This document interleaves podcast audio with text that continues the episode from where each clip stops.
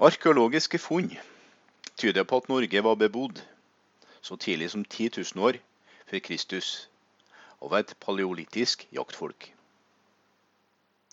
Disse gamle jegerne antas å ha flytta inn til Skandinavia da de store isbreene som en gang begravde regionen, trakk seg tilbake mot slutten av den siste istida. Landbruk og bruken av husdyr dukka opp i Norge rundt 4000 før Kristus. Overgangen fra stenalder til bronsealderverktøy og mer forseggjorte gravskikker skjedde i Norge omkring 1500 år før Kristus. Og innen 500 år før Kristus hadde Norge starta på tidlig jernalder. I tida til det romerske imperiet hadde innbyggerne i Norge handelskontakter med det romersk okkuperte Gallia, og bosettingsområdet økte raskt. Runeskrift, som et germansk alfabetsystem, ble utvikla i det andre eller tredje århundre. Det dukka opp i Skandinavia på denne tida, sammen med innflytta germanske folkeslag. Disse nyankomne folkeslagene bygde hjemmene sine ved bredden av de store innsjøene og langs den lange kysten. Og de snakka et språk som ville bli morsmålet til de senere skandinaviske innbyggerne. De hadde også med seg en levende ny religion, med militaristiske guder, ledet av Odin og Thor, samt bosettingsmønster som snart ville utvikle seg til store familiegårder. Fjell og fjorder danna naturlige grenser rundt de fleste av de bosatte områdene i Norge. Med tida kom alt sosialt liv i de ulike bosetningene til å bli dominert av et aristokrati og til slutt av småkonger. Ved tidspunktet for de første historiske skriftene fra Skandinavia, i det 8. århundre, fantes det 29 små kongedømmer i Norge. Unngåelig vendte kongene oppmerksomheten mot havet. Det var den enkleste måten å reise på og handle med omverdenen på. Rundt år 800 så ble krigsskip bygd og sendt på plyndringstokter. Dette starta vikingtida. Her er sjørøverne var handelsmenn, kolonisatorer og oppdagelsesreisende så vel som ransmenn. Etter ca. år 865 etablerte de bosetninger på de britiske øyene og Island. På øyene Orknøyene, Færøyene og Shetland. Et år under senere, omkring 985, førte Erik den røde vikinga til Grønland fra Island. Hans sønn Leif Eriksson var en av de første europeerne som utforska Nord-Amerika, og nådde kontinentet rundt år 1000. Vikinger trengte også inn i Russland. Andre vikinger bosatte seg i Frankrike, hvor de ble forfedre til nordmannerne i Normandie. På 800-tallet gjorde kong Harald den første også kalt hårfagre, det første vellykka forsøket på å danne et samla norsk kongerike. Etter å lykkes med å arve kongetrona i Vestfold som unge, så klarte Harald å etablere sitt overherredømme over hele Norge kort tid før år 900. Men etter Haralds død ca. 940 delte sønnene Norge med Erik Blodøks som leder. Uenigheter og kriger mellom arvingene ødela den midlertidige enheten, og mange av disse små kongene nekta å gi fra seg sin uavhengighet. I tillegg til krigføring innenlands, så gjennomførte danske og svenske konger tokt til Norge for å skaffe seg norsk jord. Kristne misjonærer reiste til vikingenes landområder så tidlig som 825 etter Kristus da Sankt Ansgar besøkte handelssentra i Sverige og Danmark.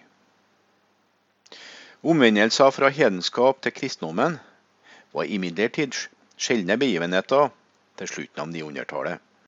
I 995 ble Olav den første, oldebarn av Harald den første, konge av Norge.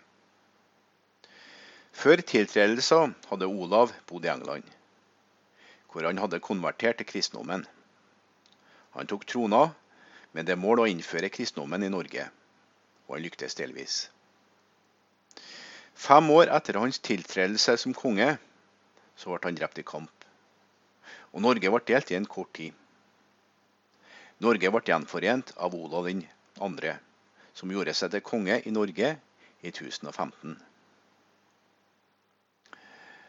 Han fortsatte det religiøse arbeidet til sin forgjenger, og brukte makt mot dem som nekta å bli døpt.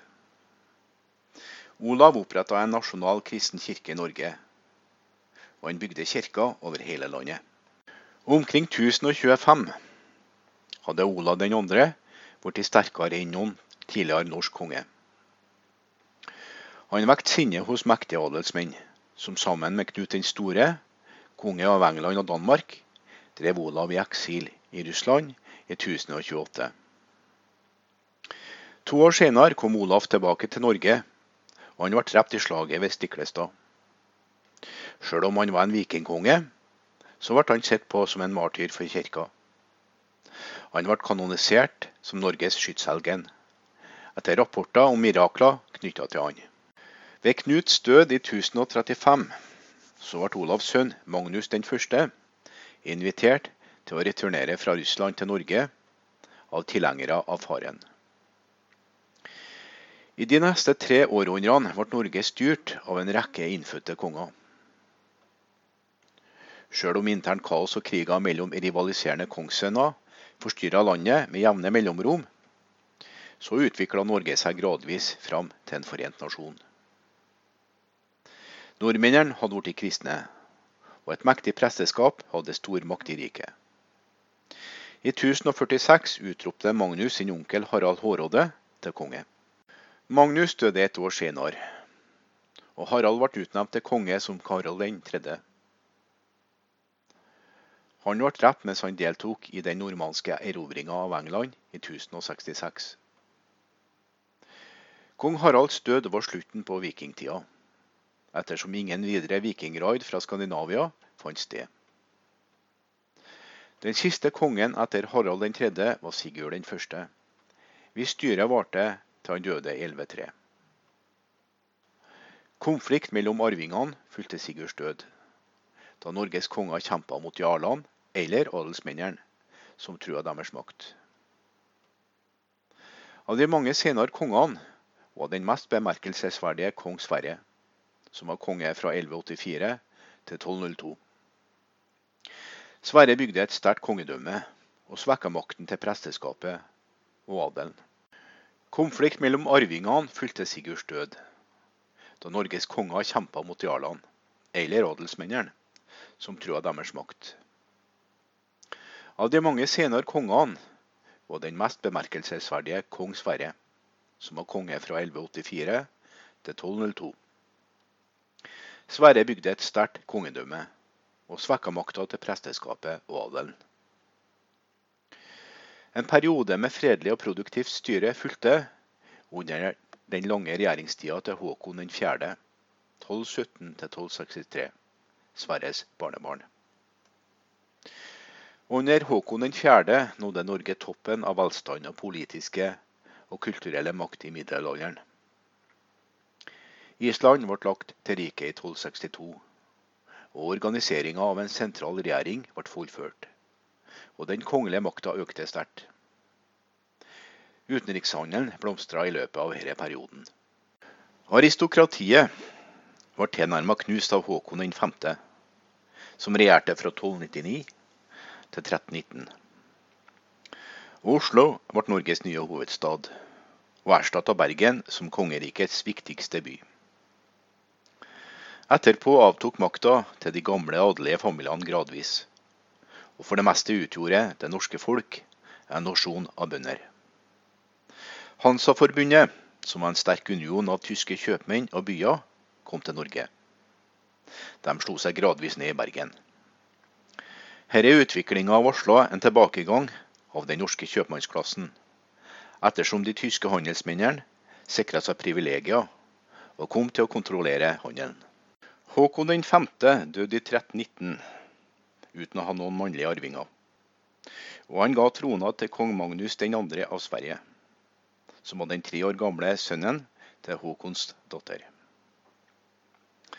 I 1343 ble Magnus etterfulgt av sønnen Håkon den sjette, og i 1380 ble sistnevnte sønn, Oluf den tredje, konge av Danmark. Konge av Norge som Olav den fjerde. Den unge kongen utøvde bare nominell makt, men den reelle makta ble utøvd av mora, Margaret. Da han døde, ble han etterfulgt av mora som hersker over Norge og Danmark, og i 1389 også av Sverige. For å oppnå tysk støtte mot hertugene i Mecklenburg, som krevde den svenske trona, fikk Margaret sin bestefar, Erik av Pommern, valgt til konge. I 1397 ble kongedømmene Norge, Danmark og Sverige gjort til en enkel administrativ enhet. Denne enheten ble kalt for Kalmarunionen. Sverige og Danmark var større og rikere enn Norge. Norge hadde mista mye av befolkninga og mange av gårdene sine på midten av 1400-tallet, etter et utbrudd av en byllepest som ble kalt for svartedauden. I 1523 gikk Sverige ut av unionen, og Norge ble i økende grad behandla som vasallstat til den danske krona. I kjølvannet av innføringa av luthersk som statsreligion i Norge av den danske kongen Kristian 3. i 1536, så ble Norge en dansk provins. Norsk kultur kom stadig mer under dansk påvirkning. Opprettelsen av et arvelig monarki i Danmark i 1660 og etableringa av kongelig enevelde svekka adelen og økte statens administrative rolle i politiske og økonomiske forhold. Imidlertid var den langsiktige virkninga av eneveldet generelt godt, i motsetning til de despotiske formene som den tok i mange andre europeiske stater. I løpet av de påfølgende århundrene med dansk styre bidro Norge med sine naturressurser til å bygge opp det dobbeltmonarkiet i Danmark-Norge.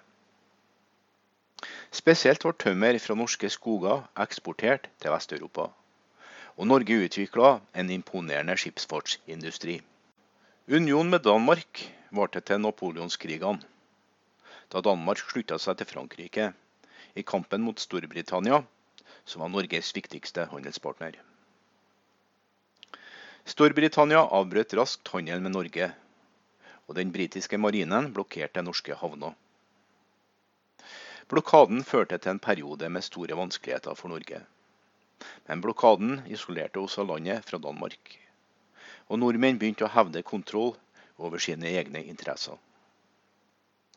Etter nederlaget i krigen mot Napoleon i 1814 så ble Danmark tvunget til å undertegne Kiel-traktaten, og avga Norge til kongen av Sverige, som var en alliert av Storbritannia i kampen mot Frankrike.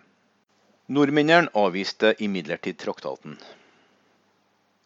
Landet erklærte seg sjøl som et uavhengig rike, utarbeida en egen grunnlov og tilbød tronen til den danske kronprins Christian Fredrik, senere Christian den 8. av Danmark. Den norske beslutninga ble motarbeida av de europeiske stormaktene, og sjefen for en fransk hær, marskalk Jean Bernadotte, senere kong Karl Johan, overtalte Norge til å godta Kiel-traktaten. Til gjengjeld for samarbeidet fikk Norge beholde den nye grunnloven.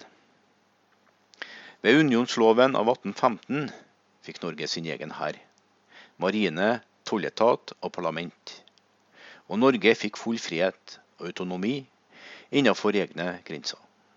Etter 1815 var Stortinget hovedsakelig opptatt av å stabilisere og forbedre Norges økonomiske tilstand, og å realisere og bevare det nylig vunnet sjølstyret. Til tross for den midtre motstand fra den svenske kongen, Karl Johan, en autokratisk monark, vedtok det norske Stortinget en lov i 1821 som avskaffa adelen.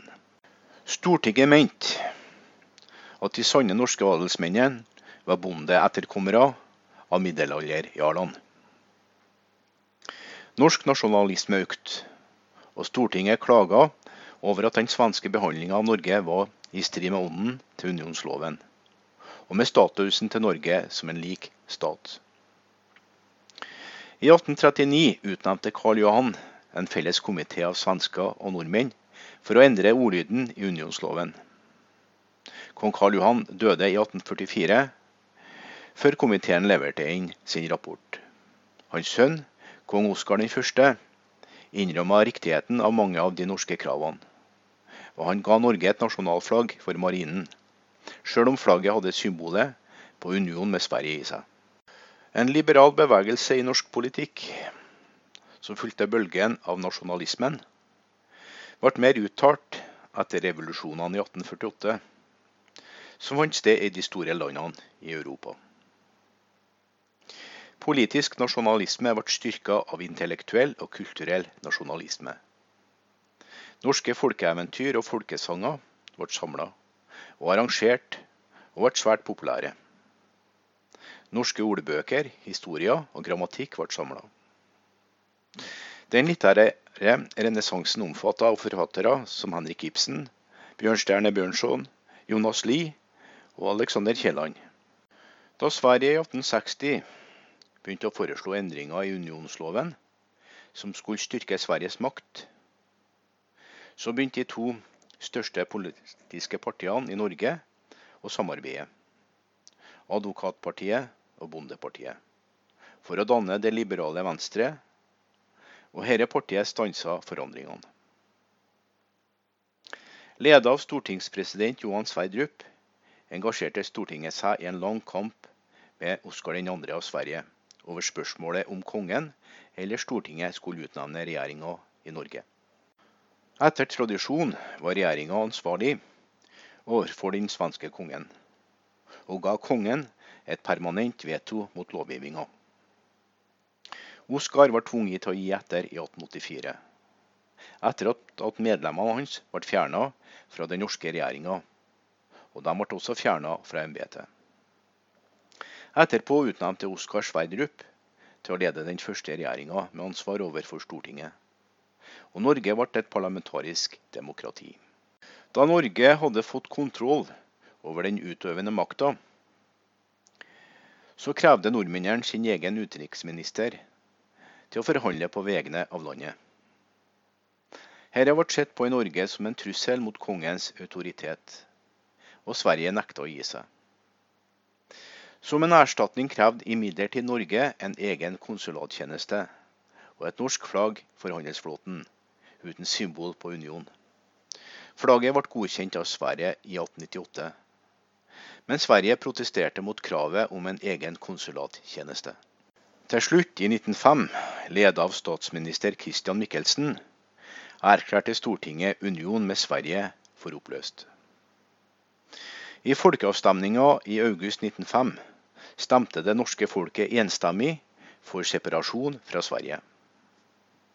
Den svenske riksdagen godkjente avviklinga i oktober. En måned senere aksepterte prins Karl av Danmark å bli ny norsk konge som Håkon den 7.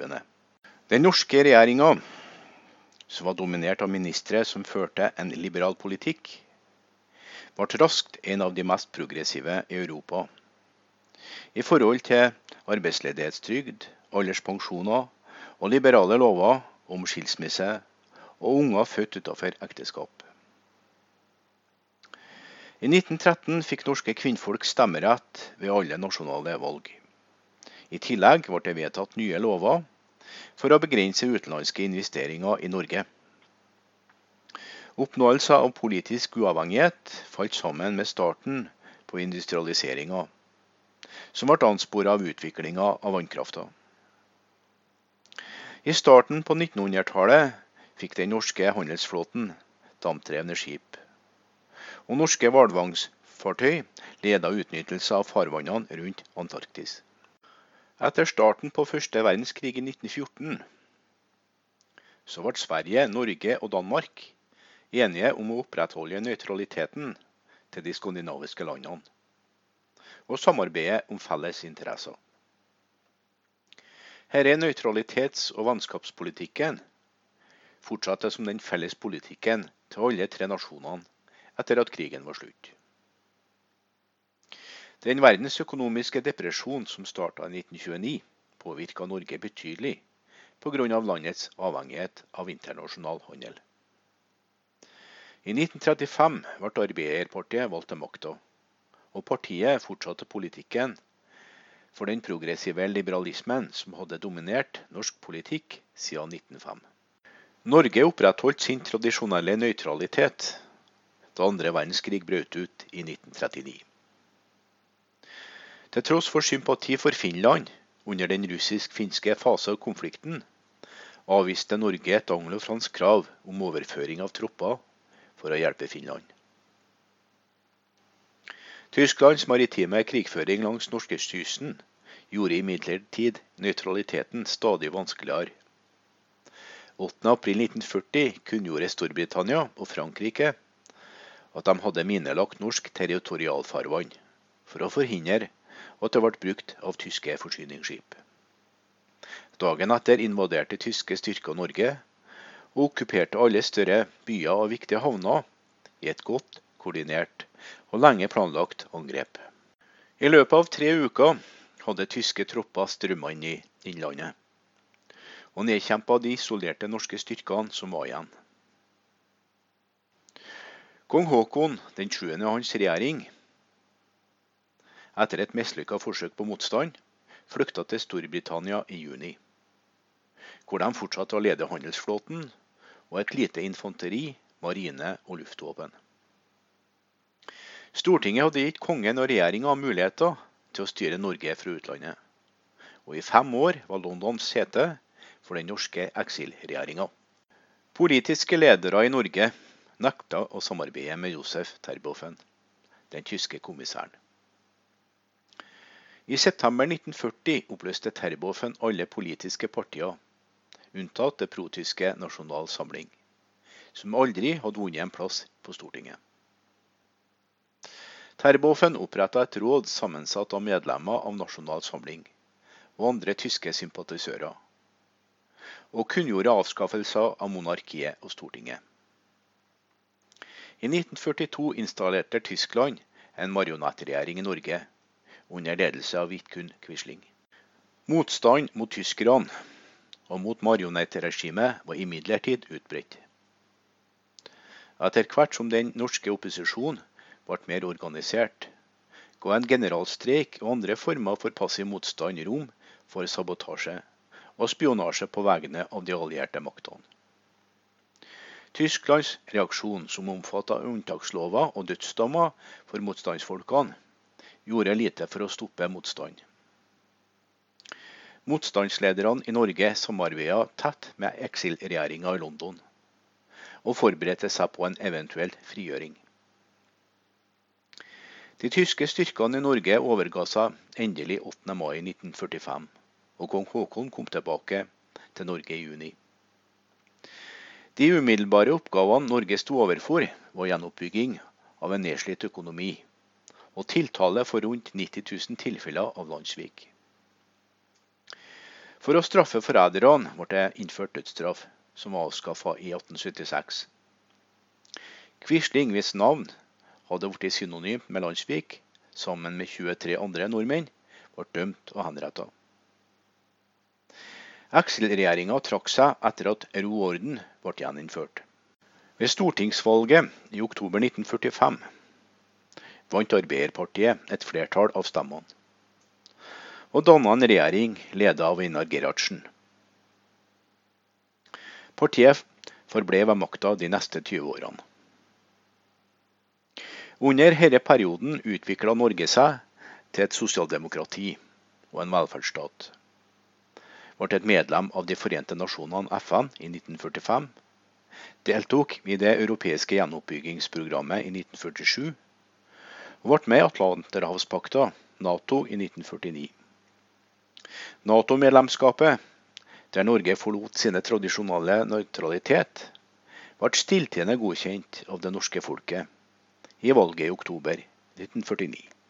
Den norske økonomien kom ut etter krigen hardt nedslitt etter den tyske utnyttelsen, og ødelagt av innenlands sabotasje da tyske tropper trakk seg tilbake fra mange byer nordpå. Gjenoppbygginga starta med en gang, leda av Arbeiderpartiregjeringa. Regjeringa overtok snart planlegginga av hele økonomien for å styrke Norges posisjon i de internasjonale markedene, og omfordele nasjonalformuen på en mer rettferdig måte. Det ble gitt tilskudd og støtte til ulike bransjer, og det ble pålagt priskontroll på varer og tjenester. Innen tre år hadde det norske bruttonasjonalproduktet, BNP, nådd førkrigsnivået. Denne utviklinga ble ledsaga av ny sosial lovgivning, som i stor grad økte velferden til innbyggerne. I 1959 ble Norge et av grunnleggerne av European Free Trade Association, EFTA, som var en handelsblokk som trådte i kraft året etter. Stortingsvalget, som ble holdt i september 1961, resulterte i at Arbeiderpartiet ikke klarte å vinne et flertall i Stortinget for første gang siden andre verdenskrig, sjøl om Arbeiderpartiet beholdt sin plass som det ledende partiet. Gerhardsen, som hadde vært statsminister siden krigens slutt, bortsett fra en periode fra 1951 til 1955, ble igjen utnevnt til å lede regjeringa.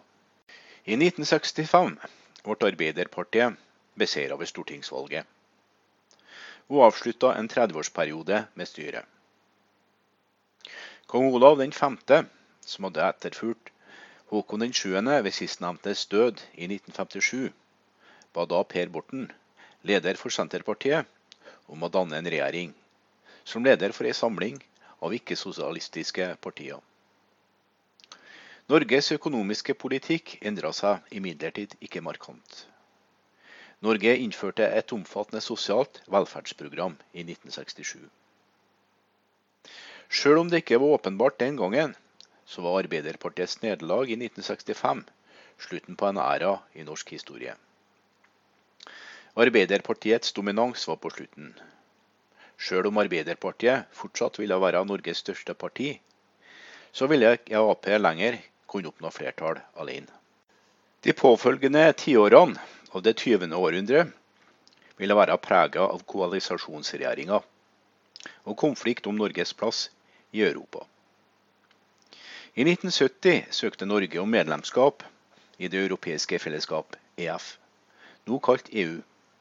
En beslutning som splitta innbyggerne og regjeringa. Mange nordmenn motsatte seg medlemskap i EU, og frykta at fiske, oppdrett og jordbruk ville komme i konkurransemessig ulempe. Året etter gikk Per Borten av, etter at anklager dukka opp om at han hadde røpa hemmelig informasjon. Trygve Bratteli fra Arbeiderpartiet danna da en mindretallsregjering, som kjempa sterkt for EF-medlemskap. I en folkeavstemning i 1972 avviste velgerne imidlertid regjeringas anbefaling.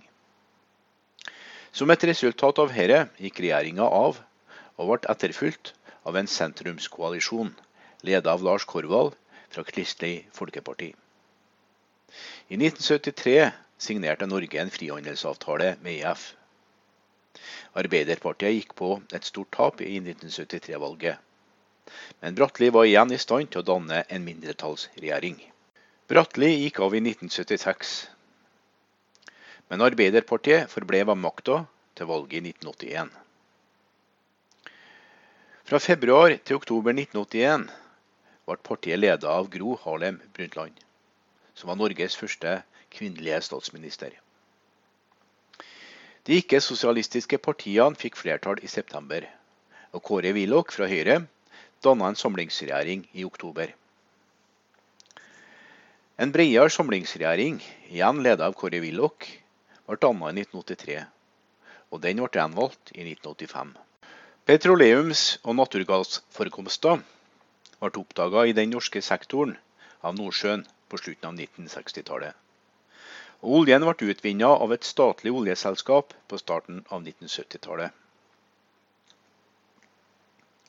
På begynnelsen av 1980-tallet utgjorde olje- og gasseksport fra nordsjøfeltene rundt 30% av Norges årlige eksportinntekter.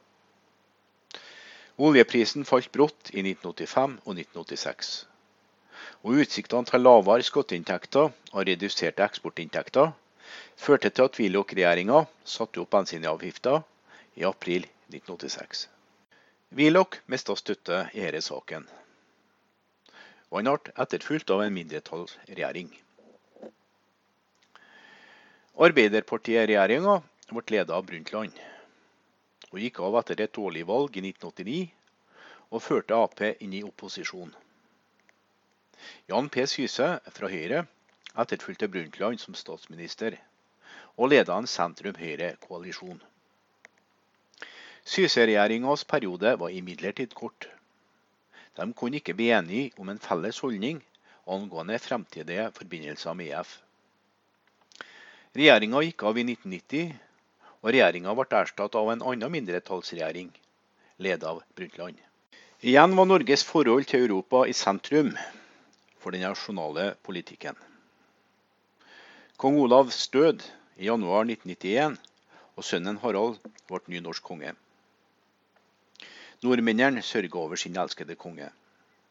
Men de var likevel splitta i spørsmålet om å bli med resten av Europa. Senterpartiet spilte rollen som den viktigste motstanderen av integrasjon, og argumenterte for at norsk suverenitet ville bli kompromittert, og velferdsstatens politikk uthula. Brundtlands arbeiderpartiregjering kom tilbake til makta etter stortingsvalget i 1993. I mai 1994 godkjente Europaparlamentet søknaden om et medlemskap for Norge i EU. Imidlertid hjulpet av et skred av norsk patriotisme og nasjonalisme etter Lillehammer vinter-OL i februar 1994, så stemte nordmennene mot medlemskapet i EU ved en folkeavstemning i november 1994. Gro Harlem Brundtland hadde trukket seg som Ap-leder i 1992, og ble erstatta av Torbjørn Jagland. I 1996 gikk Brundtland brått av som statsminister og ble etterfulgt av Jagland. Jaglands valgperiode ble ødelagt av skandaler blant regjeringsmedlemmene, og han ble skarpt kritisert av opposisjon for å avvise et forslag om å øke pensjonsbetalingene til eldre. Sjøl om Arbeiderpartiet fikk den største andelen av mandater ved stortingsvalget i 1997, så gikk Jagland av som statsminister han holdt løftet om å trekke seg fra stillinga som statsminister dersom partiet hans fikk færre stemmer enn de gjorde i 1993. En allianse ledet av Kjell Magne Bondevik, lederen for Kristelig Folkeparti, fikk nok støtte til å danne en regjering. Bondeviks koalisasjonsregjering omfattet også sentrums- og liberale partier. Kjell Magne Bondevik gikk av som statsminister i 2000 etter å ha fått mistillit om spørsmålet om å bygge gassfyrte kraftverk i Norge. Bondevik motsatte seg kraftig disse planene, noe som ville ha krevd at Norge endra sine strenge lover om forurensing. Bondevik ble erstatta av Ap-lederen Jens Stoltenberg. Sjøl om Stoltenberg i utgangspunktet skapte et gnist av håp da han overtok som statsminister, klarte han ikke å hindre valgnedgangen til Arbeiderpartiet, som led et stort nederlag ved valget i 2001. Bondevik kom tilbake som statsminister, som leda en ny sentrums-høyre-koalisjon av Kristelig Folkeparti, Høyre og Venstre. Koalisjonens politikk omfatta lavere skatter, mer privatisering og reformer innen helse, utdanning og velferd. For å få til et parlamentarisk flertall fikk Bondeviks koalisjon støtte fra det høyreekstreme Fremskrittspartiet, som, sjøl om det var det største ikke-sosialistiske partiet etter valget i 2001, forble formelt utafor koalisjonen. I løpet av de neste fire årene gjennomførte Bondeviks regjering store økonomiske reformer, inkludert skattelettelser for bedrifter. I mellomtida skapte rekordhøye oljepriser på verdensmarkedet, høye offentlige inntekter, og førte til enestående økonomisk velstand i Norge. Forvaltning av landets enorme oljeformue ble den sentrale debatten under valgkampen i 2005. Arbeiderpartiets leder Jens Stoltenberg beskyldte Bondeviks regjering for å forsømme velferdstjenestene, og lova å bruke mer på helsevesen og utdanning. Bondevik gikk inn for ytterligere skattelettelser, noe Stoltenberg motsatte seg. I september støtta velgerne Stoltenbergs sentrums venstreblokk. Blokken fikk 87 mandater i Stortinget, som hadde 169 medlemmer. Noe som ga Norge sin første flertallsregjering på 20 år. Som leder for Arbeiderpartiet, som fikk 61 mandater, så ble Stoltenberg den nye statsministeren. I valget i 2009 klarte Stoltenbergs koalisjon knapt å bli gjenvalgt etter et flertallsvalg fra Fremskrittspartiet og Høyre. Stoltenberg ble forventa å bli statsminister. I utenrikssaker har Norge søkt å utvide sin deltakelse i internasjonale organisasjoner, som De forente nasjoner, FN. Norge har også understreka sin forpliktelse til internasjonale fredsforhandlinger, demonstrert i 1993 for sin rolle i å være vertskap for forhandlinger mellom Israel og palestinerne. Dette resulterte i opprettelsen av den palestinske nasjonale sjølstyret under de såkalte Oslo-avtalene. Siden den gangen har norske diplomater forsøkt å bidra til å løse internasjonale konflikter i mange regioner, inkludert Afghanistan, Colombia, Guatemala, Øst-Timor, Sri Lanka, Somalia og Sudan. Spørsmålet om Norges plass i Europa, eksemplifisert av debatten om Norges mulige medlemskap i EU, forblir imidlertid et splittende og uløst spørsmål.